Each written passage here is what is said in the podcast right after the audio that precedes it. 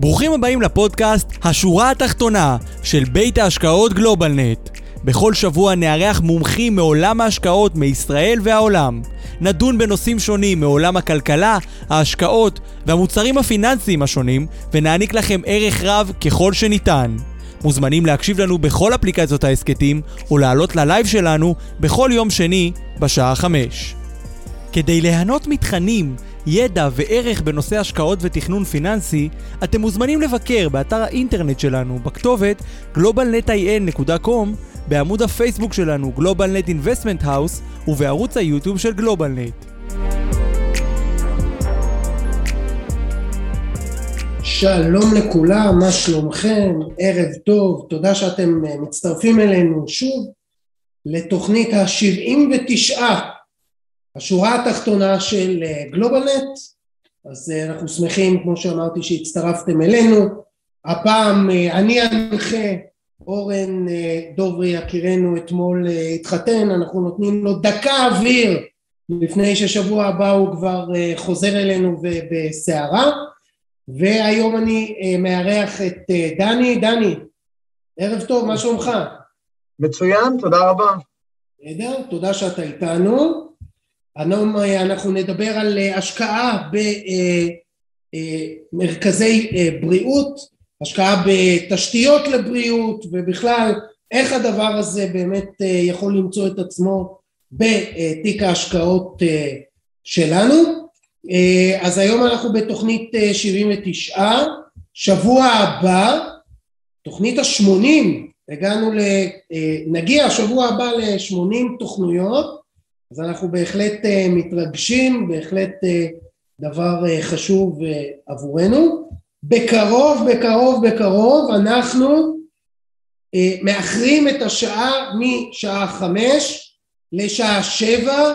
היום אנחנו עדיין אה, בחמש, אנחנו מכינים אתכם לזה שנעלה שבע, קיבלנו הרבה מאוד אה, פניות על כך שהשעה הזו היא שעה מוקדמת מדי, אז אנחנו אה, כאמור בקרוב מאוד נתחיל בשעה שבע, אבל להיום שוב אנחנו בשעה חמש, אתם יכולים לראות אותנו גם בלייב בפייסבוק וגם אחר כך זה עולה ההקלטה עולה בפודקאסט, אז למי ששומע אותנו בפודקאסט, ברוכים הבאים לפודקאסט הוובינר, השורה התחתונה של אה, גלובלנט. לפני שנתחיל בשידור, כרגיל אנחנו מבקשים להדגיש כי אין מדובר בתוכן השיחה הזו להבוא משום תחליף לייעוץ.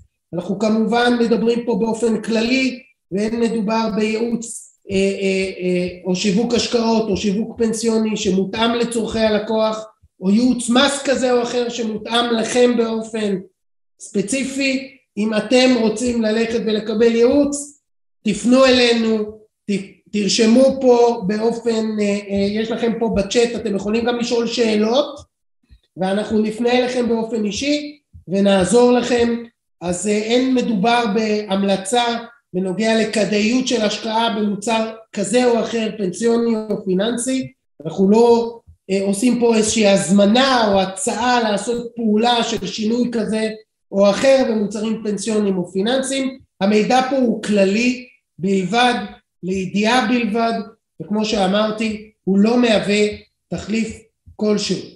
אז אה, כאמור, דני, אנחנו איתך. שוב, ערב טוב, מה שלומך? מצוין, תודה רבה. אתה בדרך כלל באנגליה, היום אנחנו מארחים אותך, אתה איתנו פה בישראל, איך זה לחזור לבקר בישראל? תשמע, אה, מדינת ישראל מדינה מדהימה, חוץ מאשר הפקקים. אז uh, היום לא סבלתי מפקקים, אבל uh, מחר, מחרתיים וביום חמישי יש לי פגישות uh, בעיר, ולצערי זה אומר שגם אני אצטרך, אצטרך לבלות קצת uh, על הכביש, uh, מצפה לכמה שעות uh. בכל מקרה, זה מד... אה, מאוד נעים פה וכיף להיות פה תמיד, ועוד הייתי פה בשביל החתונה של אורן, אז בכלל היה חגיגה גדולה. נכון, אכן הייתה חגיגה גדולה. אז אה, אנחנו רצינו לדבר על אה, השקעה בתחום הבריאות. בדרך כלל בעולם ההשקעות האלטרנטיביות אנחנו מדברים או על השקעה בנדל"ן, או על השקעה באשראי, זה עיקר השיח שאנחנו מנהלים. כשאנחנו באים ומדברים על השקעה בתחום של בריאות, איך הדבר הזה שונה, איזה ערך מוסף זה נותן, מעבר להשקעה בדיור או באשראי שאנחנו בדרך כלל מדברים. אז uh, האמת, קודם כל, uh, בריאות בעצם כל התחום של הבריאות הוא אה, אחד מהסקטורים בעולם אלטרנטיבי שהיום מקבל המון דגש. המון דגש. אה, אין הרצאה, אין כנס שאני לא משתתף בו, שלא מדברים על התחום הזה כאחד התחומים המרכזיים שכדאי להתמקד בהם, מכיוון שברור שאתה יודע, כל הסיפור של וירוסים בעצם העביר את ה... שינה את העולם, אפשר לומר, אבל כן. מיקד אותנו סביב חברות שבעצם עסוקים במתן מענה ופתרון לעולם הזה של הבריאות, כאשר העולם הבריאות מתחלק כמובן להמון חלקים, כן? מבעצם כל הנושא הזה של תרופות ו- ו- ותשתיות, לנושא, ו- ו- מהנושא של תרופות וטיפולים ומחקר לעולם של תשתיות. אמ, ובעצם אנחנו כבר היום אה, עסוקים בתשתיות. אה, שני הקרנות שאנחנו, אה, הוועדת ההשקעות אצלנו רואה בהם פוטנציאל גדול, בעצם הם די משגשגים, אפשר לומר, מצליחים לעשות תוצאות מאוד מאוד יפות, מתמודדים עם האתגרים של התקופה הזאת, מאוד טוב, ובעצם הם מרוויחים מכמה דברים, מכמה... כמה...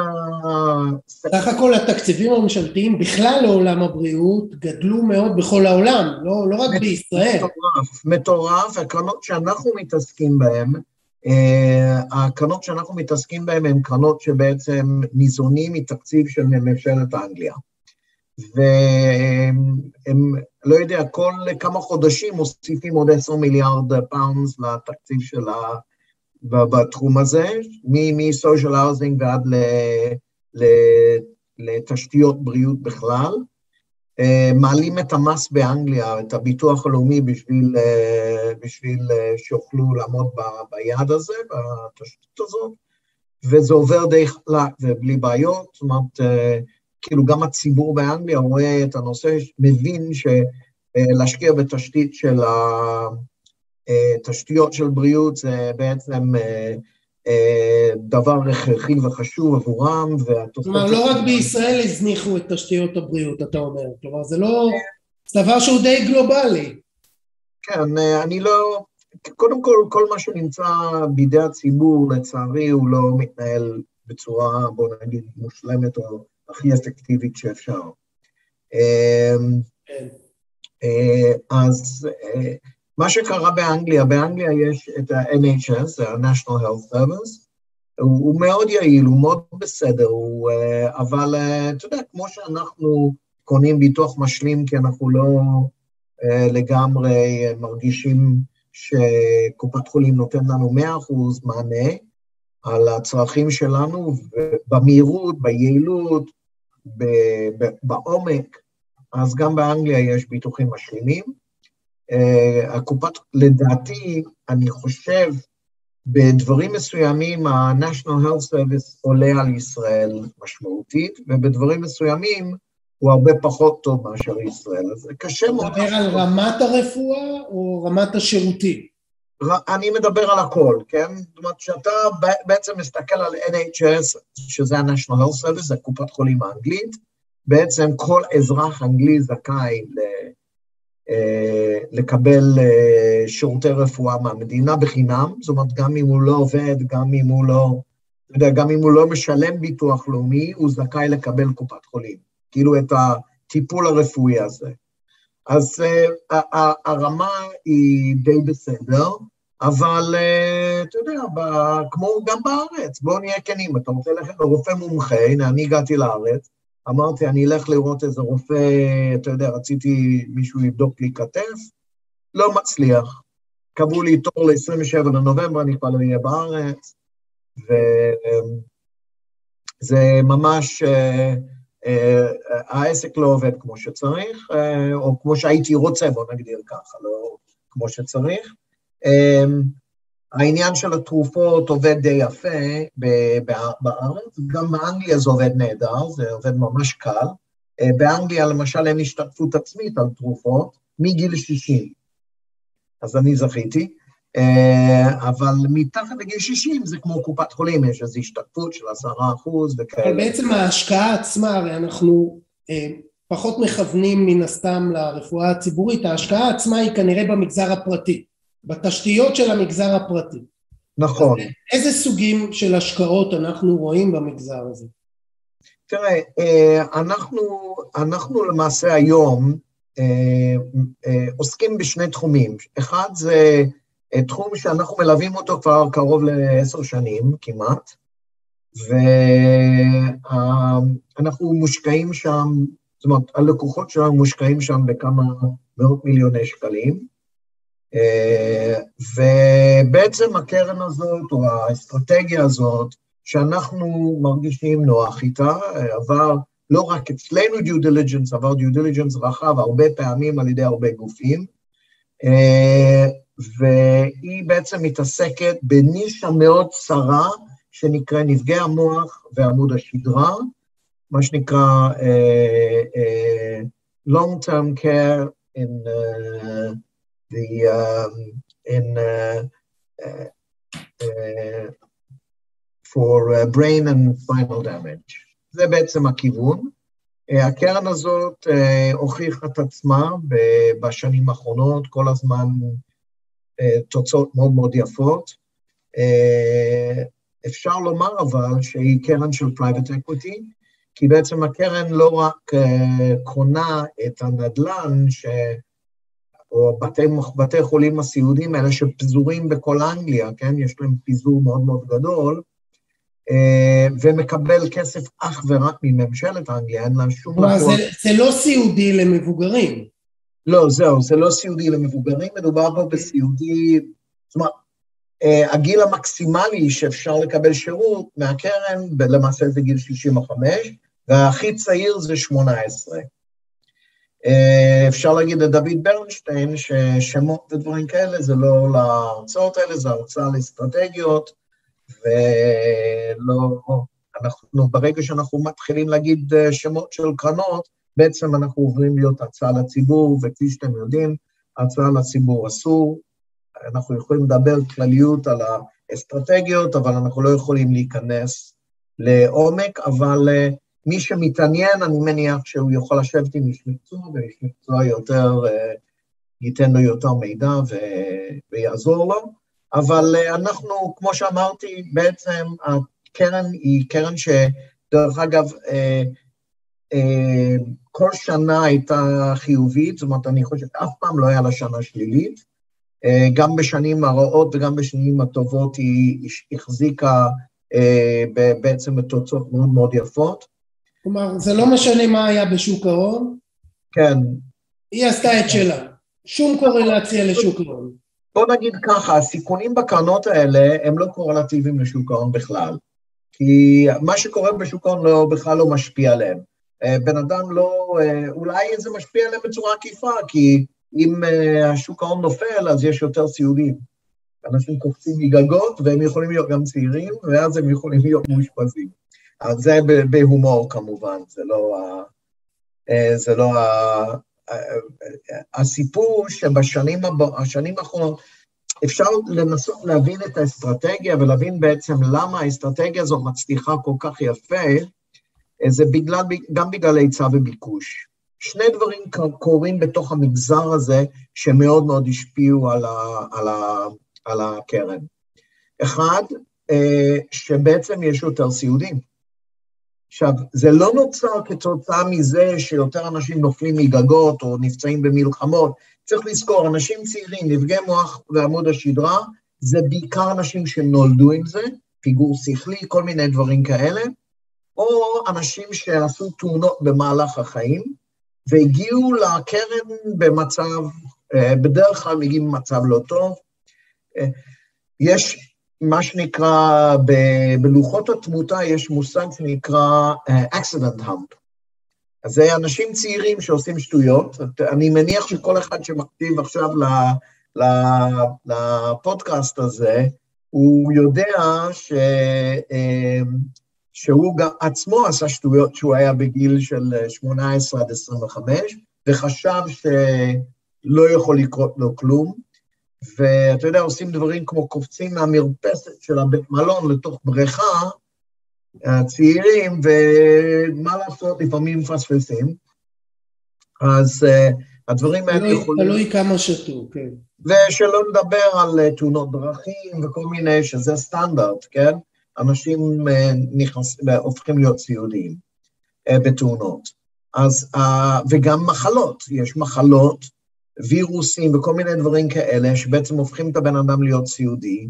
Uh, היה תופעה uh, גם בכובד, כמובן שמדובר במיעוט, אבל עדיין זה אנשים שנכנסים למצב, שבעצם קיבלו חיסונים ונהיו משותקים ברגליים וכל מיני דברים כאלה. קרה. זה מעט מקרים, כנראה לא מצדיק לא לעשות את הזריקה, אבל עדיין יש כאלה מקרים, ולא, כובד זה לא המחלה היחידה. אני ביקרתי באחד המתקנים של, של, של הקרן, ולמעשה היה שם בחור שהוא היה... נכנסת למקום עצמו, הלכת... אנחנו גם ביצענו סיורים במקום, בפנים, אוקיי? עכשיו, אפשר... זה בעצם חלק מה-due diligence שעשית על הקרן? נכון, נכון. אנחנו נכנסנו, היינו קבוצה קטנה של אנליסטים, כי כמובן למתקן סיעודי אתה לא יכול... היום אי אפשר בכלל להיכנס, כן? בתקופת הכובד אף אחד לא נכנס. אנחנו דרך אגב, יש לנו סיור של אנשי מקצוע בעוד שבועיים, ואנחנו מתכוונים ללכת למתקן כזה, אבל אנחנו נעמוד מבחוץ והצוות יצא לדבר איתנו. כי להיכנס, בטח, ואנחנו 40 איש, אז כמובן נכניס 40 אנשים לבית חולים סיעודי, זה לא בא בחשבון. אה, אבל גם... אנחנו נעשה, נעשה משם זה, יש לנו שם סמינר באוקספורד, נעשה נכון. משם וובינר... אה, בדרך אנחנו, הרי יש מתקנים בכל הארץ, בכל אנגליה. אז מהית'רו בדרך לאוקספורד אנחנו נעצור באיזה מתקן, וגם נעצור דרך אגב בבניין של, של supported living, כאילו דיור לנכים, בשביל להבין, אבל כמובן שאי אפשר לקחת 50 איש או 40 איש ולדחוף אותם לתוך הבניין, שיראו מה שנקרא כמו בהצגה את הנכים, זה לא, אה, זה לא מתקבל על הדעת, אבל בהחלט אפשר להתרשם מהמתקנים, אפשר לראות מבחוץ, לדבר עם הצוות של עובדים הסוציאליים, עם אה, המנהלים במקום, שיסבירו מה עושים ואיך זה עובד ואיך הממשלה האנגלית מטפלת באוכלוסיות החלשות שלה. אז זה בעצם הסיפור. אז מה שקרה בפועל היה שני דברים שקרו במכה אחד. הדבר הראשון היה שבעצם יש הרבה יותר חולים. עכשיו, לא כתוצאה מזה שיותר אנשים נפגעים, יכול להיות שגם זה קורה, אבל זה לא העיקר, העיקר הוא שלא מתים. זאת אומרת, הרפואה יודעת להחזיק בן אדם חי. אז לפני עשר שנים, אם היה לך נכות מסוג מסוים, יכלת לחיות נניח שלושה חודשים או שישה חודשים עם הנכות הזאת, והיום הם יודעים להחזיק את הבן אדם הזה חי גם עשרים שנה.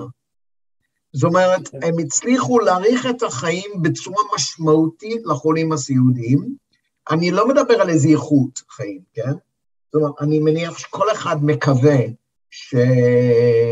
אמ, שיקרה נס ויוכלו לחזור לתוך הקהילה ולחיות כרגיל. כל משפחה שקורא לה אירוע כזה, חושב ש... או מאמין שאפשר לחזור לשגרה. אני, אני, פה בארץ אפילו היה לי ידידה שחלתה בסרטן במוח, עשו לה ניתוח, נכנסה לקומה, זאת אומרת, הוציאו את הגידול, אבל היא הייתה, מש... היא הייתה בעצם בקומה. יש פה שאלה של מייקי קבליס, האם ביצעתם הערכת שווי של גורם חיצוני מבקר להשקעה? מייקי, אנחנו לא רק שעשינו, אלא פעם בשנה אנחנו עושים שוב בדיקות כדי לראות אם אה, יש שינויים במצב הקרנות והמרכזים וכן הלאה, אה, כך שאנחנו גם עוקבים אחרי ההשקעה הזו לאורך זמן. זה כן. לגבי השאלה של אה, מייקי. אבל... וככה, בשביל להרחיב על השאלה של מייקי, לא רק זה, אנחנו גם מעורבים, ואנחנו יודעים כל מה שקורה בתוך הקרן, כל משא ומתן, כל דבר שהם מתחילים, כל פרויקט שהם נכנסים אליו, אנחנו מעורבים, אנחנו מעורבים מכיוון שאנחנו בעצם המשקיע, לא יודע, אולי השני או השלישי בגודלו בתוך הקרן הזאת. אה, למשל, אני חושב שהמשקיע הגדול ביותר זה הבנק של קוריאה, דרום קוריאה כמובן. אה, ואלינור, לא מדברים על שמות עכשיו. אז אה, גם אם את שואלת את זה, זה... אמ, אז בנק קוריאה הוא המשקיע, לדעתי, הגדול ביותר. בעבר בנק אנגליה, אה, הכנסייה של אנגליה היה המשקיע הגדול ביותר בקרן.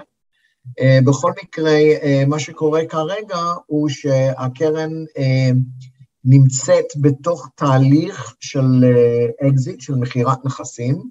כשאנחנו אומרים אקזיט, שנבין שזה לא מחסלים את העסק והולכים הביתה, אלא עושים מימוש המימוש הזה מייצר, ייצר לנו אה, כאילו רווחי הון גדולים בתוך הקרן. כמובן מי ש... זה בעצם האסטרטגיה הרשמית של הקרן, כלומר זה חלק נכון. האסטרטגיה של כל הקרנות, כמעט הרבה מהקרנות שלנו, כל ה, ה, ה, זה בעצם קודם כל אה, לקנות ולהחזיק ולקבל את ה... בוא נגיד את השכר דירה שאנחנו רואים בו תשואה. בעצם התשואה... תקציב ממשלתי, כמו שיש בקרן הזו, לבריאות. באה וצפויה, אנחנו יודעים לצפות אותה. כן. וכמובן, הסוכריה שלנו זה המימושים. עכשיו, כשקונים קטן ומוכרים גדול, זאת אומרת, בוא נגיד שאתה קונה בית חולים סיעודי, עולה חמישה מיליון פאונד, עשרה מיליון פאונד. ואתה שם אותו בקבוצה, בסוף אתה מגיע ל-400 מיליון פאונד של נכסים, שזה בערך היקף הקרן כרגע, לפי דעתי, משהו כזה, אולי חצי מיליארד פאונד כבר. ואז אתה יכול לממש את זה, אתה יודע, כי מי הקונים לדברים כאלה? הקרנות אה, תשתית, אה, קרנות הבריאות, אה, קרנות הפנסיה, קופות הגמל, אלה אוהבים, הם לא יקנו נכס בודד, בטח לא בתחום הזה, הם חייבים... למה הם רוצים לקנות? מה, איפה פה האטרקטיביות עבור גוף מוסדי שבא ורואה כזה תיק? מה, מה אותו מעניין שם? אה, תראה, בעצם, אה, בוא נדבר על קרנות פנסיה. קרנות פנסיה זה הכי ברור שיכול להיות, כי בעצם קרן פנסיה צריכה לשלם פנסיה. והיא זקוקה לנכסים שמניבים במקביל להתחייבויות, וזה נקרא ALM, והרעיון זה לבנות את האסטרטגיה מותאם ל, ליעדים הכלכליים של הזה. אה, מישהו שואל פה אם אה, בתקופה של שפל כלכלי המדינה תתמוך פחות בבריאות. אז אה, קודם כל, בואו נראה מה קרה באמת ב, ב, ב, מאז שאנגליה הפכה להיות, קודם כל אנגליה היה לה, אה, היה לה, בעצם היא נכנסה לתחום הזה של, היא תומכת באוכלוסיות החדשות שלה כבר מ-1850, אבל אז היא לא הייתה מדינת רווחה. היא הפכה להיות מדינת רווחה רק ב-1900, אה, אחרי המלחמה, 45. ב-45 נבחר ראש הממשלה אטלי להיות ראש ממשלה, הוא היה מהלייבור, עד, עד אותו תקופת צ'רצ'יל וכל ה... תמיד היה הקפיטליסטים שלטו באנגליה, לא יותר קפיטליסטים, אלא יותר משפחות המלוכה כאלה. בעלי ההון, מה שנקרא. כן. בעלי ההון שלטו באנגליה. דרך אגב, עדיין הם uh, היו יוניונס, הכל היה, זאת אומרת, הכל היה, אנגליה הייתה, לא הייתה, היא דמוקרטיה ממש. Uh, כבר, אפשר לומר שהיא באמת בין המדינות הכי דמוקרטיות אה, באירופה, כי אפילו מי שככה מתמצא קצת בהיסטוריה האנגלית, אה, בתקופה של 1100, אה, כן, מלך ג'ון, היה איזה מלך בשם ג'ון, שהיה כנראה קצת איש מגעיל, אבל רוב המלכים היו אנשים מגעילים. אה, והוא, היה לו מלחמה עם האצילים שלו, ובסוף הכריחו אותו לחתום על המגנה קארטה. המגנה קארטה בעצם זה מספח משפטי שמעניק את הסמכויות, מוריד את הסמכות מהמלך ומעביר אותו לעם, ולמעשה, בואו נגיד שזה עדיין בתקופה הזאת, כן, כשהם דיברו על העם, הם התכוונו לאצולה של העם, ולא התכוונו לעם ממש, אבל 300 שנים לאחר מכן אנגליה כבר יש לה House of Commons, כנסת, והכנסת מורכבת גם מה...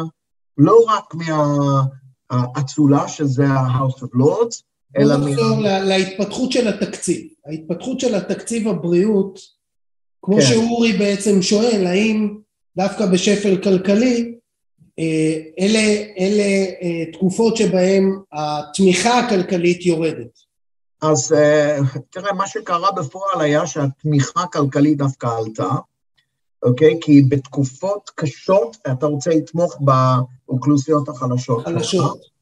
צריך לזכור, אנגליה גם מדינה מאוד מאוד עשירה, היא לא אה, מדינה... אה, למרות, למרות הברקסיט, שכולם פחדו ממנו. תראה, אה, קודם כל, אנגליה היא אחת הכלכלות החזקות בעולם. תמיד הייתה, זאת אומרת, פעם הייתה הכלכלה החזקה בעולם, אה, אבל דרך אגב, גם בשיא הכלכלה שלה היא לא הייתה אפילו חצי הברית, מהכוח של הברית. זאת אומרת שאנגליה הייתה אימפריה ושליש מהעולם היו תחת שלטון אנגלי, שליש מהעולם היו תחת שלטון אנגלי, עדיין התל"ג שלה היה יותר נמוך מאשר הברית לפני עשרים שנה. הברית, דרך אגב, ירדה משמעותית בעולם, אבל עדיין אין לה מתחרים, לא סין ולא רוסיה ולא אף אחד, וכל התחזיות של, שסין תקוף את אנגלי, את הברית, בינתיים לא התממשו, כי היו אירועים לא צפויים בדרך שדחו את הגזר דין הזה, את המשמעות. אני לא יודע אם, זה לא יקרה שסין תקוף את הברית, זה יכול לקרות, אבל בינתיים זה לא uh, מתממש. אה, לפי מה שאתה אומר, ככל ש... מאוד מאוד חזקה. מדינה עצמאית, מדינה שלא זקוקה לשום דבר מאף אחד אחר, זאת אומרת, באופן תיאורטי, כן, האנגלים אוהבים לשתות את היין הצרפתי וכל הדברים האלה, כן, זה עם מפונק שקונה מכל העולם, אבל היא לא זקוקה לה. יש לה נפט, יש לה, יש לה הכל, ובעצם היא self-sufficient והיא יכולה להסתדר לבד. והיא יכולה לספק את כל האוכלוסייה שלה לבד, למעט כל הדברים המיוחדים שהאנגלים אוהבים. אז בשורה התחתונה, בכל תקופות המשברים הכלכליים דווקא הביאו את, ה, את אנגליה לתמוך יותר במעוטי היכולת שלה, בחולים שלה, בנכים שלה. דרך אגב, אני חייב להגיד לך שגם בתקופות של השפל הכלכלי בעולם, אנשים רצים לאנגליה כאי של יציבות. כי אנגליה לא עשתה דיפולט אף פעם בהיסטוריה שלה, ב-400 שנים האחרונות, בהיסטוריה הנורמלית, כן? גם לפני זה לא, אבל לא היה מושג של default לפני זה, אה, על, על שום התחייבות שלה. אז מה קרה עם התקציב במהלך הקורונה? אתה יודע, מה? אנחנו מדברים על שפל כלכלי, אז מה היה לדוגמה שנה שעברה? אה, תראה, קודם כל התחיל אה, כבר באפריל, במאי שנה שעברה, היה דרישה להוסיף עשרה מיליארד pounds לתקציב, עבור social housing בלבד, עבור כל הדברים האלה, עבור כל המגזרים האלה. אה, הענקת דיור לכל מיני אנשים נכים, לסיעודים, כשאני מדבר על סיעודים זה סיעודים חולים, לא סיעודים זקנים. ברור. זה עולם לגמרי שונה, כן? שאתה נפרד מההורים שלך והשנתיים. אמרת זה עד גיל 65 בעצם. בדיוק. 65 זה לא בכלל הסט שלו. אז הם הוסיפו 10 מיליארד pounds במשך ה-15 שנים הבאות, זאת אומרת, כל שנה במשך 15 שנים. עכשיו הם הוסיפו עוד, עוד איזה עשרה או משהו מיליארד pounds לתקציב של שנת 2021 ו-2022. בנוסף לעשר שהם הוסיפו לפני כמה חודשים, הם הוסיפו עכשיו עוד 20 מיליארד pounds. אה, המטרה שלהם זה להקפיץ את הכלכלה, זה נשמע לכם כאילו ההוצאה זה נטל, אבל ההוצאה הזאת היא בעצם מעוררת את הכלכלה. כי זה נותן תעסוקה לעובדים סוציאליים, לחולים, לכל המטפלים, לכל ה, כל הדברים האלה מצד אחד, מצד שני הוא מייצר בנייה. אה, בעצם לייצר 90 אלף יחידות דיור בשנה, זה היעד שלהם. אה, אה, אנחנו זקוקים ל-660 אלף עובדים. הם משקיעים בתשתיות בעצם, זה תשתיות לבריאות, תשתיות לסושיאל האוזן. והבריאות זה המקום הראשון שרצים אליו. זאת אומרת, אה, אני לא, תראה, לנו יש חלון הזדמנות. החלון הזדמנות של עשר שנים הבאות, כנראה, לא רק באנגליה דרך אגב, כן? ההשקעה בבריאות היא בכל העולם, בארצות הברית, בקנדה, באוסטרליה, בגרמניה. אנחנו, דרך אגב, התחלנו תהליך ראשוני. הרי אנחנו, לצערי... בישראל אתה מתכוון, כן. כן, לבדוק את גרמניה, מקומות כמו גרמניה ואוסטרליה. ארה"ב הבנו שזה משחק לגמרי אחר, אז לא כל כך נכנסנו אליו. חיפשנו מודלים מאוד דומים לאנגליה, ולא מצאנו אותם במאה אחוז, אבל הכי קרוב זה גרמניה ואוסטרליה. אבל אנחנו רחוקים מלהקים קרן שמשקיעה שם, כי עד שנגמור את ה-due diligence, עד שנבין את השחקנים, עד שנבין מה המחויבות של הממשלה, ייקח לנו חודשים, אולי, אולי זה יהיה מוכן ב-2023. בינתיים יש לנו אה, באנגליה מספיק אה, עבודה, איך אמר לי פעם יאיר רמבורגר, אמר לי שקופצים מקומה 17 או 19, זו אותו תוצאה. אין לנו מחסור, זאת אומרת, אם מישהו רוצה... הביקוש הוא כל כך גדול והתקציבים כן. גדלו כל כך... כן, אה, אה, אין...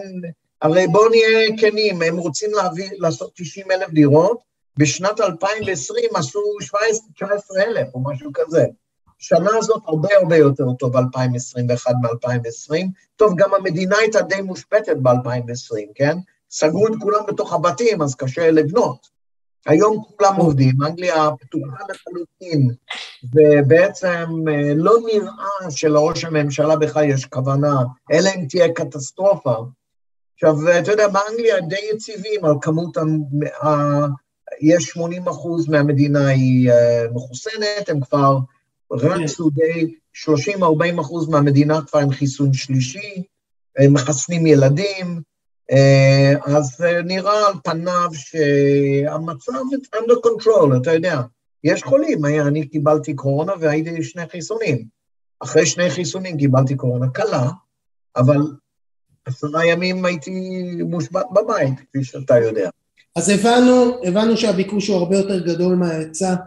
כן. הבנו שתחום הבריאות גדל בכל העולם ובאנגליה בפרט בצורה מאוד מאוד משמעותית. אז איך משקיעים? כלומר, גם יש פה... אני רוצה... איך משקיעים בפועל? קודם כל, ההשקעה היא איך משקיעים זה מאוד פשוט. אלה קרנות ציבוריים, אתה יכול להיכנס דרך, קונה דרך הבנק או קופת הגמל. אבל אני דווקא רוצה לדבר על האיומים, מה שקרה בשנתיים האלה, הרי קורונה, אנחנו כבר הבנו מה קרה בקורונה, אוקיי? אז איך זה השפיע על הקרן? אה, לרעה וגם לטובה. זאת אומרת, שאנחנו נבין את התופעות שהיו.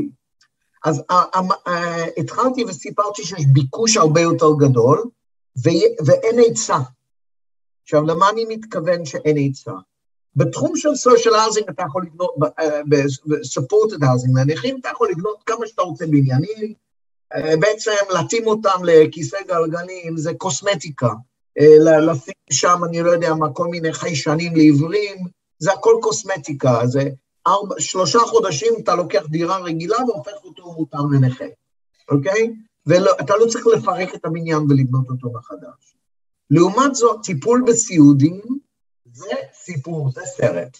עכשיו, מה שקרה היה שמאז שמרגרט תאצ'ר הפריטה את העניין הסיעודי, אוקיי? עד שמרגרט תאצ'ר הייתה ראש ממשלה, הסיעודיים חיו בצורה נוראית. המדינה טיפלה בהם בתוך מתקנים של המדינה, כמו, משהו כמו הבית חולים הזה בכפר סבא, ברעננה, אה, שיש בית חולים וחדרים ושירותים בסוף המסדרון, ויש גם שירותים בתוך החדרים, אבל עדיין זה, אני מדבר לפני 50 שנה, 40 שנה, זה ככה היה נראה, זה כמו, זה היה, אם היית נופל על מקום כזה, לא רק שאתה אה, אה,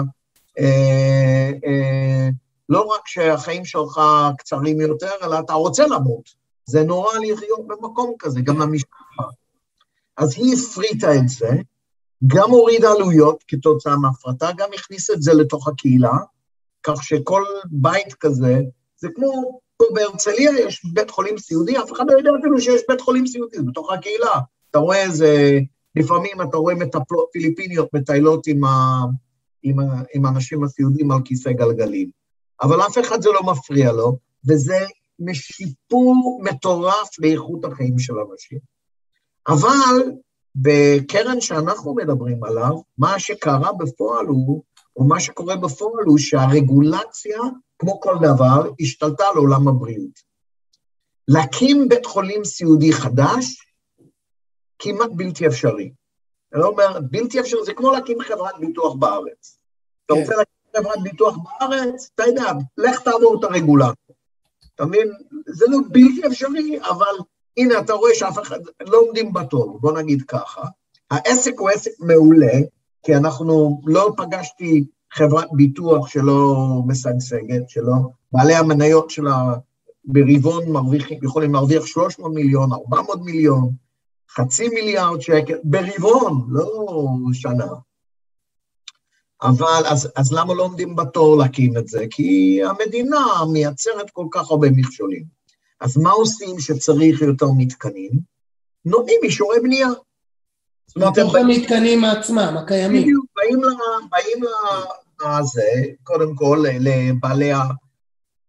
למי שכבר יש לו, ונותנים לו אישורי בנייה, ואומרים לו, תשמע, עכשיו תבנה עוד קומה, או תבנה... מעודדים אותם לבנות, או רק האישורים זה הסיפור פה? אה, האישורים זה הסיפור פה. כי אוקיי. בעצם, תראה, לכל ה... זה בתוך הקהילה, כמו שאמרתי לך. הבניינים האלה די נמצאים במרחב, זאת אומרת, יש להם הרבה מקום להתרחב. הם לא בהכרח בונים על הגג, כן? לא בונים עוד קומה כמו תמ"א, כן? הם בעצם בונים לידם, זאת אומרת, הם לוקחים את המחסנים, הופכים אותם ממחסן לעוד חמש מיטות. כל מתקן שווה ים של כסף לקרן, ים. כי תחשוב שבעצם אתה קונה בש... בערך האביטר על קרנות, על, על עסקים מהסוג הזה בערך 13, מכפיל 13 ואתה קונה באחד. זאת אומרת, יש לך מרווח רווח של 12 על, על כל בנייה כזאת אה, אה, שאתה מבצע. דרך כן. אגב, הקרן שעושה דיו דיליג'נס מחפשת נכסים שתוכל להרחיב אותם בעתיד. זאת אומרת... אתה, אתה אומר שההכנסות מצד אחד זה הגורם הממשלתי שמשלם עבור הטיפול, השיכון והטיפול, והדבר השני זה הנושא של ההשבחה, ההיתרים, והדבר השלישי זה רווחי הון שמוכרים ל... נכון. לגופים מוסדיים. זה בעצם שלושת ההכנסות. אבל בואו נראה מה קרה בתקופת הכובד. בואו נראה מה קרה לקרנות, אוקיי? כי הם היו בסדר, כולם היה להם, זאת אומרת, הם חיו לא רע, זאת אומרת, לא היו חודשים שליליים, היו חודשים יחסית, חלקם היו יחסית חלשים למה שאנחנו הורגלנו, וכמובן אקזיט לא קרה בתקופה הזאת בגלל שאי אפשר היה להתארגן לאקזיט, אבל אה, אה, מצד אחד הם הרוויחו מהאכלוס, זאת אומרת, אה, בניגוד ל social housing או ל supported living שבו אין לנו אחריות לאכלוס, הקרנות, הקרן הזאת כן אחראית, זאת אומרת, היא מקבלת, מקבלת כסף על החולים, היא לא מקבלת על ה... היא לא עושה שכר דירה. אנחנו בקרן השנייה מקבלים שכר דירה מהמדינה, אז לא מעניין אותנו אם הוא מלא או ריק. לא מעניין, וגם לא אחראים על התחזוקה. פה גם אחראים על התחזוקה, גם אחראים על האכלוס. מה שקרה... זה שתי רמות סיכון שונות בעצם, אחת זה בלי תפעול ובלי אחריות אה, נכון. לשכירות וכן הלאה, והשנייה, יש פה תפעול, יש פה טיפול רפואי, ממש בתחום הבריאות עצמו, שזה אה, איזשהו פקטור שהוא משמעותי מבחינת התפוסה. ככל נכון. שהתפוסה יותר גבוהה, ככה הרווח הולך ועולה. נכון. ובמהלך הקוביד ראינו עלייה בתפוסה, זה מה שאתה אומר. נכון. ובעצם אה, אנחנו ראינו עלייה, זאת אומרת, למעשה הקרן הייתה בפעם הראשונה בהיסטוריה שלה 100% תפוסה. אז זה רווח, כמובן, אוקיי? זה רווח ראשון. זאת אומרת, אנחנו, אם אנחנו ארגנו ל-80, 85 אחוז אכלוס, פתאום קרוב ל-100 אחוז, תמיד יש מתים, או, או, או כאילו אנשים שעוברים מהבית חולים לתוך הבית, כל מיני דברים כאלה, לטיפול ביתי. דרך אגב, הקרן ממשיכה לטפל בלקוחות גם כשהם עוברים הביתה, זאת אומרת, היא לא עוצרת את הטיפול, אה, ובעצם אה, זה היה, הרווחנו מזה, אבל במה הקרן הפסידה? בתקופת הקורונה, קודם כל, כמובן, הקורונה יצרה הוצאות לקרן. אוקיי. אתה יודע, צריך להביא את כל המסכות. היו צריכים לרכוש ציוד מתאים להתגוננות. נכון, להתגוננות, זה היה אחד. ושתיים, החולים לא, דרך אגב, היו מעט מאוד מקרים שחולים קיבלו קורונה, מעט מאוד, כמעט, אני לא יודע, היה שלוש או ארבע, אה, אנדרו נמצא על הקו, אפשר לשאול אותו, אה, היו מעט מאוד, אבל מה שכן קרה לקרן, היו אה, אנשים שנכנסו לבידוד. לא קשור, לא חולים, לא כלום. ההוא בכיתה שלו קיבל קורונה, עכשיו כל המשפחה יושבת בבידוד במשך עשרה ימים. כן. עכשיו, שבבידוד עשרה ימים, אין לך עובדים. אין לך עובדים, העובדים שלך יושבים בבידוד. עכשיו, אתה רוצה להביא עובד, אתה לא יכול להשאיר חולל סיעודי בלי העובד שלו. אז אתה צריך... זה אותם אתגרים שהיו לכל העסקים. כן, אז אתה צריך להביא עובדים יקרים. כן. אוקיי? זאת אומרת, היה, הקרן סבלה, זאת אומרת, בוא נגיד שכל הדלתא שהיא הרוויחה, אולי אפילו הפסידה אותו, בגלל כל הטיפול בכוח אדם, כי הם קנו כוח אדם זמני, לשבוע, לשבועיים, לשלושה שבועות. כשאתה קונה בשלושה שבועות, אולי אתה משלם חודשיים אה, שכר על שלושה שבועות, כן? כחלופה, כי זה לא מישהו ש... אתה יודע, זה לא איזה עובד זר שהבאת מהפיליפינים או משהו כזה. ברור. דרך אגב, גם אה, צריך לזכור שהם היו מייבאים בכמויות כוח אדם מחו"ל, והכובד עצר את היבוא של כוח אדם.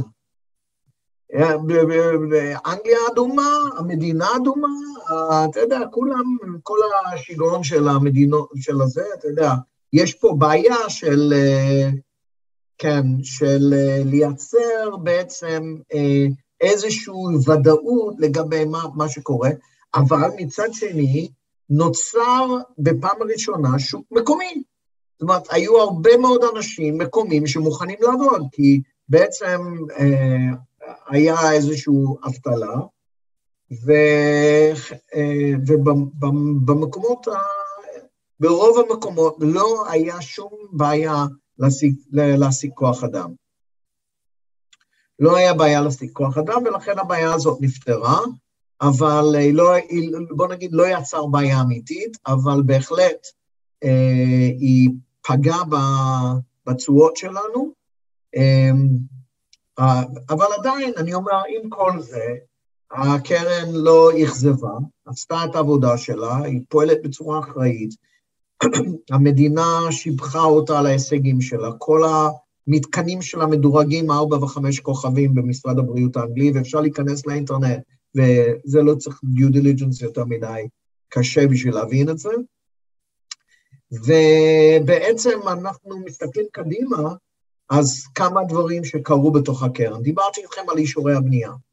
אז על אישורי הבנייה האלה לא מתבטאים בנף כרגע, אוקיי? הם נמצאים בחוץ. למה? כי לא התחילו את זה. נב הכוונה בערך, הערך הנקי של הנכסים. אנחנו יודעים, כן, אחת מהסיבות שהקרן דרך אגב, היה משא ומתן, היה אפילו כמה גופים ענקים שרצו בשנה שעברה לרכוש אה, את רוב המתקנים של הקרן, היו מוכנים להיכנס לעסקה. העסקה הזאת כנראה היה מניב אה, רווח הון יפה בעשרות אחוזים, אבל הקרן סירבה, למה? כי הם רצו שהקונה יכיר ברווח הון הגלום, שכרגע לא מופיע בנב. והתחילו ויכוחים על הרווח הון הזה, אם זה 15 אחוז, אם 7 אחוז, אם 8 אחוז, אתה יודע, ובסוף הם החליטו, יאללה, בוא נממש ואחרי זה נעשה את האקזיט. ועכשיו, הרווח הון הזה עדיין גלום בתוך הקרן ברובו. אנחנו יודעים, מה, כאילו מהעבודה של האנליסטים שלנו, שיש שם אה, רווח שאתה לא רואה ב NAV, אבל ככל הנראה ייכנס בחודשים הקרובים לתוך ענף, אה, ואפילו יש מנהלים בקרן שהם מאוד אופטימיים לגבי סוף השנה הזאת, שהם יצליחו להכניס את, ה, את הרווח הזה לתוך השנה הזאת, אה, בכל מקרה, נראה על פניו, זאת אומרת,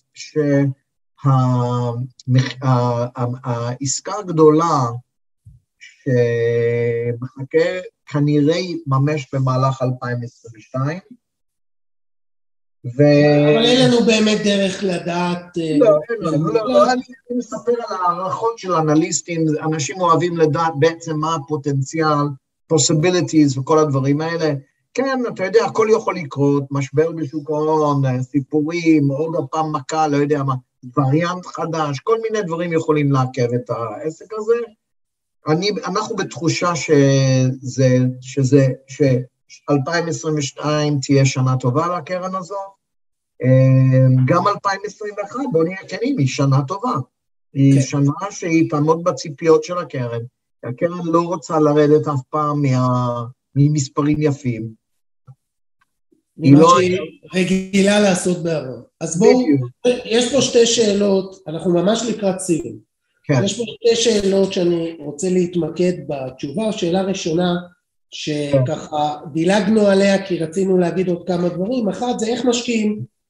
בעצם בקרנות שעוסקות בתחום הבריאות יש לנו שתי קרנות של אותו גורם שמנהל שתי קרנות, אחת זה מרכזי שיקום לפגועי מוח ועמוד שדרה למבוגרים והשנייה זה השקעה במרכזים רפואיים של ילדים.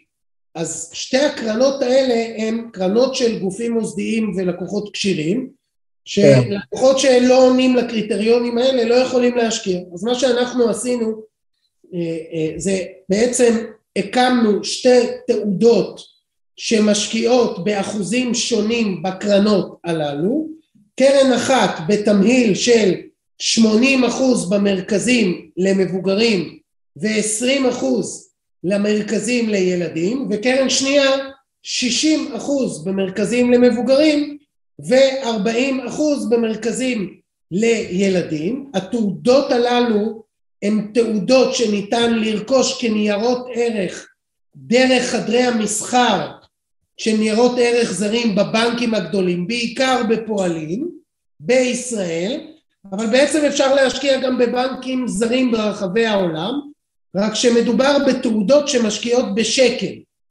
אז אתה דיברת פה על הביקושים הגדולים שהיו באנגליה ואפשר לראות את זה בכל המחקרים אה, לאוכלוסיות מתחת לגיל 65 ועל זה בעצם דיברת אז אפשר לראות באמת את ההתפתחות של המגורים של אשפוזי היום ואשפוזי הלילה ההתפתחות לאורך השנים האחרונות וגם דיברת על אותם נכסים שקיימים כבר בקורות בהקרנות הללו ומימוש הנכסים הללו על ידי רכישה לגופים אה, מוסדיים. אז הכל רשום פה בנייר מי שירצה יוכל אה, לקבל אותו.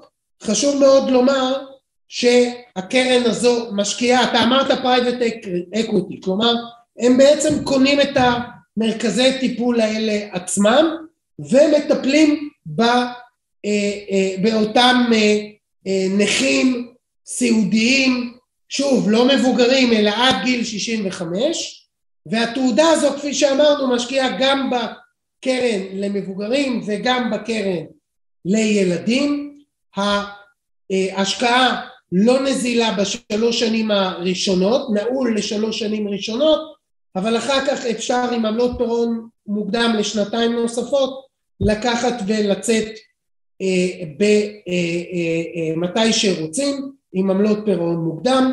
יש פה דמי ניהול של התעודות עצמם של 1.6 ואחרי חמש שנים גם יש אה, או סליחה אחרי שלוש שנים יש עמלת פירעון מוקדם של חצי אחוז. בפלטפורמות של בנקים בבנק הפועלים ובבינלאומי ובלאומי אבל בעיקר בפועלים וב trade של IBI בשקל וזה מאוד מאוד חשוב. יש פה סוג מסוים של גידור לא מלא אלא אה, כמעט מלא כמעט 90 אחוז מגודר לשקל כדי לא לחוות תנודתיות וזה מאוד מאוד חשוב למרבית הישראלים שקונים ודבר מאוד חשוב מעבר לבנקים זה פתוח ב-IRA כלומר בקופות גמל במיטב דש בעיקר, שמאפשר היום להשקיע דרך קופות גמל וליהנות מפטור על מס רווחי הון בהשקעה בנייר ערך שנותן את כל מה שאמרת דני בהקשר הזה. אם יש לך עוד מה לומר אנחנו נשמח לגבי לא, התעודות עצמן. אני, אני חושב שעכשיו אפשר uh, לענות על שאלות, דרך אגב גם אנדרו נמצא על הקו, אם מישהו רוצה לשאול שאלה באנגלית כמובן. אנדרו זה הנציג של הקרן, uh, זה הנציג של הקרן, נמצא איתנו פה. נכון, הוא נמצא על הקו כרגע. ניסיתי לה, לה, לה, להעביר אותו, שהוא יוכל ממש לענות, אני רואה שזה לא מצליח משום מה, אבל אם מישהו רוצה לשאול, יש פה שאלה, דני. כן. אמ, לגבי הנושא של השערוך של הנכסים. כלומר, מי הגוף שמשערך את הנכסים ומה הם גורמי הסיכון בהשקעה. אוקיי. Okay. אז אה, קודם כל אה, בואו נתחיל עם השערוך. למעשה בכל קרן, בכל קרן השערוך נעשה על ידי אדמיניסטרטור בעצם, שהוא מחויב לטובת הצרכן. זאת אומרת... מה זה אומר אדמיניסטרטור? זה הקרן עצמה או שזה גוף חיצוני? זה גוף חיצוני לקרן. Uh, בכל קרן יש אדמיניסטרטור. אדמיניסטרטור, התפקיד שלו זה להגן על הציבור, קודם כל, ולפעול אך ורק לטובתו. בעצם התפקיד של האדמיניסטרטור הוא קודם כל אחד, לוודא שהקרן מתנהגת בהתאם לתשקיף שלה.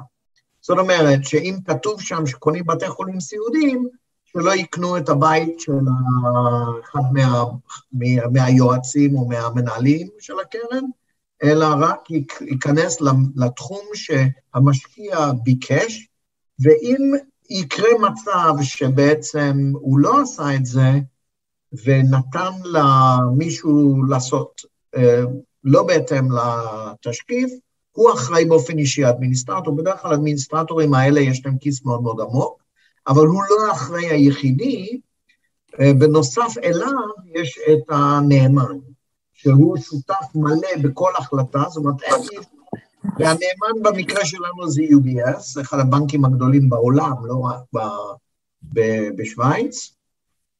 אני חושב שזה אולי הגוף השלישי בגודלו בעולם בכלל, בתחום הבנקאות, אה, או רביעי, משהו כזה, אבל הם באמת ענקים. כמנהלי ההשקעות, דרך אגב, אולי הם אפילו הגדולים ביותר בעולם. אבל uh, כולם מכירים את UBS, כולם סומכים עליו, uh, ולכן זה. Uh, התפקיד השני של האדמיניסטרטור, זה, או עוד תפקיד של האדמיניסטרטור זה לעשות שערוך. השערוך נעשה על ידי גוף חיצוני.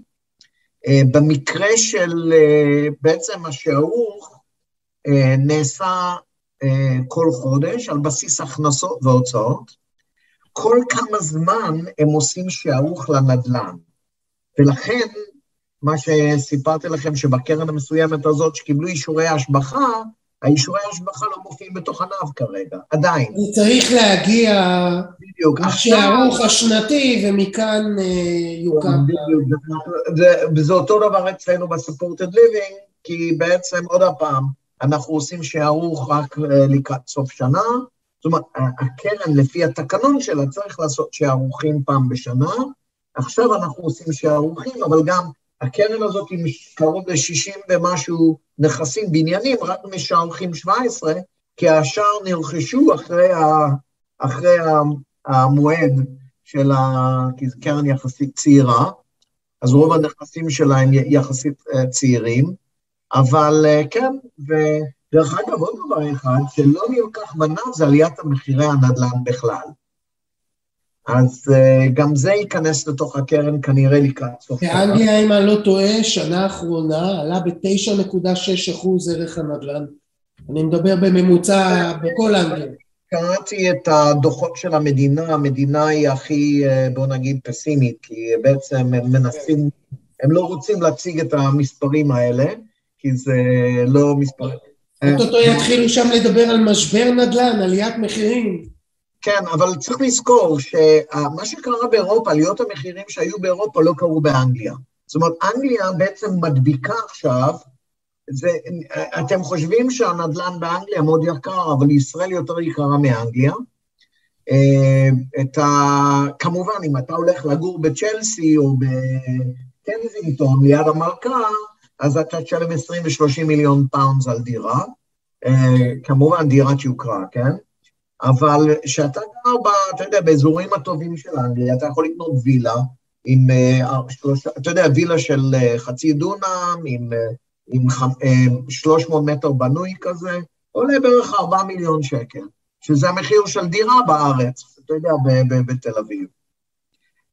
אבל כשאתה יוצא מאנגליה, אנחנו קונים בניינים, והמחיר הממוצע אצלנו זה בין 700 אלף pounds לשלושה וחצי מיליון, ואנחנו במחיר הזה קונים שבע דירות, עשר דירות, חמש עשרה דירות, אז צריך להבין שהדירה שם, באזורים האלה, ואני, דרך אגב, לא באיזה פיזי או משהו כזה, ליברפול, ווטפורד, שזה מחוץ ללונדון, מקומות כאלה, 100 אלף pounds, אתה קונה דירה מהסוג הזה, כן? חדר שינה אחד, אה, סלון, מטבח, כל הדברים האלה, לא, לא דירת רווחה, אבל אתה רואה שהמספרים, זאת אומרת, כשאתה מסתכל, אתה אומר לעצמך, רגע, צעיר יכול להיות בעלים של דירה באנגליה, זה לא הקושי המטורף שיש בארץ.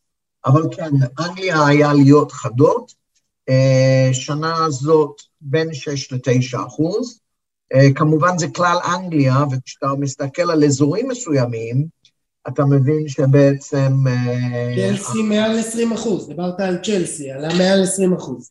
נכון, צ'לסי וקנזינגטון, האזורים האלה עלו ממש חד, כנראה, וזה גם מראה על ההשקעות של הזרים. הרי מי קונה את הדירות האלה? בואו נשים את הדברים, מי קונה בצ'לסי ומי קונה בקנזינגטון? בקנזינגטון קונים החבר'ה של דובאי ושל אבו דאבי, ובצ'לסי קונים הרוסים, כל הרוסים ועשירי העולם, גם הישראלים דרך אגב, מלא ישראלים שם, שיש הרבה חברים שגרים בצ'לסי, קנו בארבע, חמש, שש מיליון pounds דירה. כן. אז... לא, לא, לא בשבילנו. בכל מקרה, אנחנו ממש לקראת סיום, דני. אני ממש רוצה להודות לך. לסכם, לסכם את הדברים, יש לנו עוד שתי דקות בלבד, אז בואו נסכם. ואשתי רוצה להגיד לי לאכול, אז כן, צריך להזדרק. מעולה. אז הנה, כן. קודם כל אנחנו אומרים, קרנות הבריאות ש, שדיברנו, הנה אני אעלה פעם נוספת, אני רואה שאנשים מבקשים, אז דיברנו על עולם השקעה בבריאות, מדובר על קרנות של גופים מוסדיים גדולים, יש פה שתי קרנות, אחת במרכזי שיקום לפגועי מוח ועמוד שדרה למבוגרים, אחת לילדים, ואנחנו הקמנו תעודות שמשקיעות בשתי הקרנות האלה במשותף, בתמהילים שונים, ומה שמיוחד בתעודות האלה שפה יכולים גם הציבור להשתתף ולקנות באופן כללי ולא רק משקיעים כשירים ולא רק גופים מוסדיים, בתעודות האלה יכולים לרכוש גם הציבור, הציבור בישראל באופן אה, כללי. יש לנו תעודה אחת. שואלים על הסיכונים, ואני, אה, זה, אז קודם כל בואו נתחיל. כמובן שהסיכון זה תמיד שהממשלה לא תעמוד בהתחייבויות שלה, אז זה הסיכון הגדול. אני לא חושב שזה יקרה במהלך החיים שלי, אני חושב גם לא במהלך החיים של אוהד, ואפילו לא במהלך החיים של הבן שלי, אוקיי? אז uh, לא נראה לי שבשלוש דורות הקרובים משהו יכול לקרות לאנגלים שהם לא יעמדו בהתחייבויות שלהם, אבל זה סיכון כמובן, כי הכל, אתה יודע, בכלכלה הכל תיאורטית יכול לקרות, אירוע של מאה, פעם במאה שנה קורה פעם במאה שנה, ואירוע של פעם באלף שנים קורה פעם באלף שנים. אז צריך לקחת את זה בחשבון. אה, דבר שני, הקרן של הסיעוד, בעצם זה עסק. בוא, אתה משקיע בחברה, יש להם שלושת אלפים עובדים, אוקיי? אז צריך להבין שבעצם... private equity, זה בעצם מה שאמרתי, מדובר פה ב private equity. יש פה סיכוני מוניטין, יש פה סיכונים, כן? הקרן מדורגת גבוה, כול הכל בסדר. תיאורטית, נניח איזה עובד זר אונס בחורה בתוך המתקן או משהו כזה, אלה סיכונים. אני לא חושב שזה יקרה, אני, אני אגיד לכם למה, אני הייתי במתקנים האלה, המצלמות, חיישנים, אתה לא מאמין מה הולך שם במקומות האלה, לא נראה לי, גם צריך לזכור, זה לא חולים סיעודים, זה לא פיגור שכלי, כן?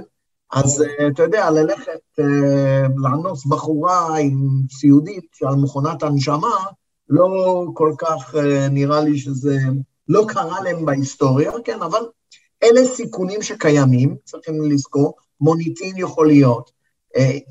והסיכון הכי גדול זה ניהול גרוע. צריך להבין שיש שם מנהלים מאוד מאוד מצליחים, אתה יודע, מחר בבוקר יכול לבוא איזה גאון ולעשות ברדק.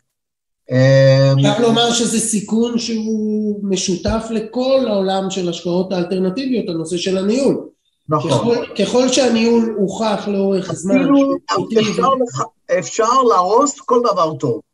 כן. גם דברים טובים אפשר להרוס, כן. בינתיים, בינתיים זה טוב. שואלים אותי אם הסיכון הגדול בעולם ההשקעות, לא רק באלטרנטיבי, בכלל בעולם ההשקעות, כן? מנהלים זה בכל מקום שאתה נכנס, אתה יודע, גם באפל יש מנהלים, כן? ופייסבוק לקח כנראה הימורים גדולים לאחרונה, נכנס לתחום, אני אישית חושב שהוא עושה משהו מדהים, כן? אבל uh, אתה יודע, זה סיכון. הוא בא לשנות את העולם, הוא בא לשנות את העולם. תמיד כשאתה משנה את העולם, יש מחיר לשלם לטווח קצר. נכון. כן, לא, כשאתה אומר לאנשים, תשמע, זה מה פייסבוק הולך לעשות מחר בבוקר, הם רוצים להיכנס לעולם הזה של ה-virtual reality, אתה יודע, בטווח הקצר, אה, אנשים ישמעו את הדבר הזה, יגידו, מה פתאום, אני, אני לא יכול לחיות בעולם כזה, וזה לא יקרה. כן. אבל אני מאמין שזה יקרה, ואני, אבל אני יודע כמה יהיה לו קשה בדרך. טוב, אנחנו, זמננו תם, okay. אוקיי. ונגמר. אז אני רק אגיד כי יש פה הרבה מאוד הערות ושאלות לגבי קרן ספציפית כזו או אחרת שאנחנו היום רצינו באופן כללי לדבר על השקעה בעולם הבריאות באנגליה ונתנו הרבה מאוד מידע על מה שקורה באנגליה והברקזיט והמרכזים וכל מה שיכולנו להגיד שהוא מידע כללי ולא מידע ספציפי לגבי הקרנות כי את זה אסור לנו להגיד בוובינר. ולכן כל מי שירצה מידע ספציפי על ידי קרנות כאלה ואחרות ומספרים ואיך להשקיע וכל הדברים שהם מאוד מאוד מאוד ספציפיים יוכל אה, לפנות אלינו ואנחנו כמובן נפנה אליכם גלובלנט אה, פה עבורכם. אה, אתם יכולים לפנות אלינו דרך האתר globalnetil.com אתם יכולים לפנות אלינו ואנחנו כמובן ניתן לכם את כל המידע המאוד ספציפי שניתן ואפשר אה, לתת על פי כל ההוראות והרגולציה ומה שבישראל מותר לעשות ולא בשיחה כללית כי זה אסור אז אנחנו גם ניצור איתכם קשר נענה על שאלות ספציפיות כמה שרק ניתן אנחנו מודים לכם זו הייתה התוכנית השבעים ותשעה של גלובלנט אה, השורה התחתונה וניפגש שבוע הבא בשעה חמש, אחרי זה עולה לשעה שבע. כן, דני. אני, אני באמת חושב שהסקטור הזה שנקרא בריאות ומה שאנחנו עושים בתוך הבריאות הזה זה סקטור ממש טוב עבור כולנו ונראה לי שבשנים הקרובות, בכמה שנים הקרובות אנחנו אה, נקבל הרבה, אה, הרבה נחת מההשקעה הזאת. אנחנו גם הרבה מאוד שנים מכירים אותם, הנה אפילו הוא זה שואל אם אנחנו משקיעים בקרן, אז אה, כן, גם באופן אישי וגם אה, מאות לקוחות. גם הילדים שלי מושקעים בקרן. עם המעט כסף שיש להם, הם כבר השקיעו בקרנות האלה. כן, אז... וההורים שלי שהיו בחיים גם השקיעו בקרן. אז אנחנו חברים מודים לכם, תודה רבה, ניפגש שבוע הבא, כרגיל בשעה חמש. שבוע אחרי שבע. אז תמשיכו לעקוב אחרינו גם ביוטיוב, גם בפודקאסט, גם בלייב בפייסבוק, אנחנו תמיד פה אה, עבורכם. ערב טוב לכולם. כאן מגיע לסיומו ביי עוד פרק. מלא ערך של הפודקאסט, השורה התחתונה, מאת בית ההשקעות גלובלנט. תודה רבה שהייתם איתנו והאזנתם לפרק. אתם מוזמנים לבקר אותנו באתר האינטרנט שלנו globalnetil.com, לעקוב אחרינו בעמוד הפייסבוק שלנו GlobalNet Investment House וללחוץ לייק כדי לעקוב אחרינו. כל הפרקים של השורה התחתונה זמינים בערוץ היוטיוב של גלובלנט. להתראות בפעם הבאה.